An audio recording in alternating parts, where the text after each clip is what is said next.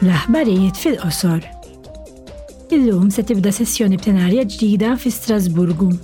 Il-Parlament Ewropew u l-Kummissjoni se jiddibattu dwar ir-rispons ta' emerġenza u umanitarju tal-Unjoni Ewropea għat-terremot katastrofiku li laqat lit-Turkija u s-Sirja.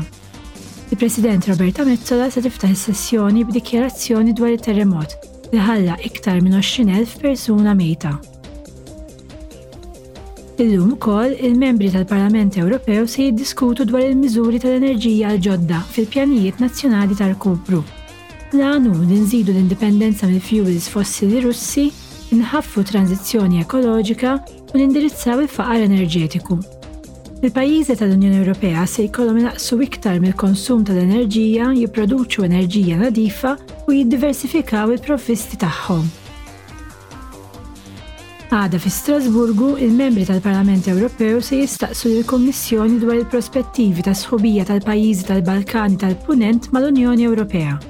Bħalissa, ħames pajjiżi tal-Balkani tal-Punent, jiġifieri l-Albanija, il-Bożnija-Ħerzegovina, il-Montenegro, il-Maċedonja ta' Fuq u s-Serbja, jinsabu fil-lista ta' kandidati tal-Unjoni Ewropea, filwaqt li l-Kosovo huwa kandidat potenzjali.